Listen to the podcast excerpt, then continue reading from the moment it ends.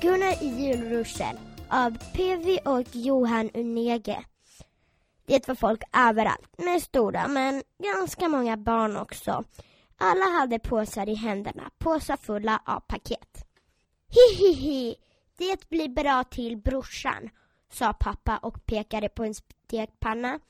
Sen traskade de sig till bokavdelningen och där hittade pappa en bok som han visste att, att farfar ville ha. Vad bra, sa Gunnar.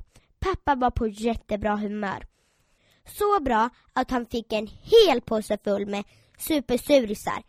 Fast det inte var godisdag. Ha ha ha, det är ju jul, sa Det är ju jul grabben, sa pappa. I, I glasaffären fick pappa tag i en jättefin ljusblå porslinhäst. Vad ska få, vem ska få den, tycker du? sa han och tittade lurigt på Gunnar. Gunnar trodde att mormor skulle bli glad för en jättefin ljusblå porslinhäst. Tjoho, sa pappa när han fick syn på en, en, borrare, en borrmaskin som både kunde borra och vispa ägg. Vad tror du mamma kommer säga när hon packar upp någonting så här? Tjoho, försökte Gunnar. Det tror pappa också. Till slut hade de köpt så mycket saker att, att pappa inte orkade bära allt själv. Då fick Gunnar hjälpa till. Och det vägde så, det var så tungt att Gunnar fick kramp i händerna. Hej tomtegubbar, sjöng pappa tills det var, tills det var framme vid bilen. Det hjälptes åt att lasta in allt i bakluckan.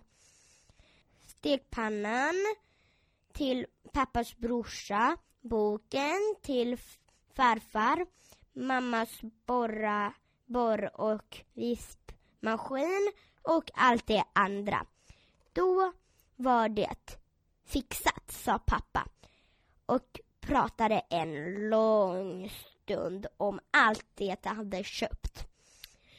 Gunnar var bara nick Gunnar bara nickade. Vad är det, Gunnar? sa pappa när han tyckte att Gunnar hade varit tyst för länge. Han...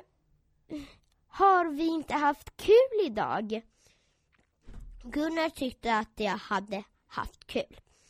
Pappa tyckte att det var bra att Gunnar tyckte att det hade haft kul. Han sjöng Hej tomtegubbar en gång till.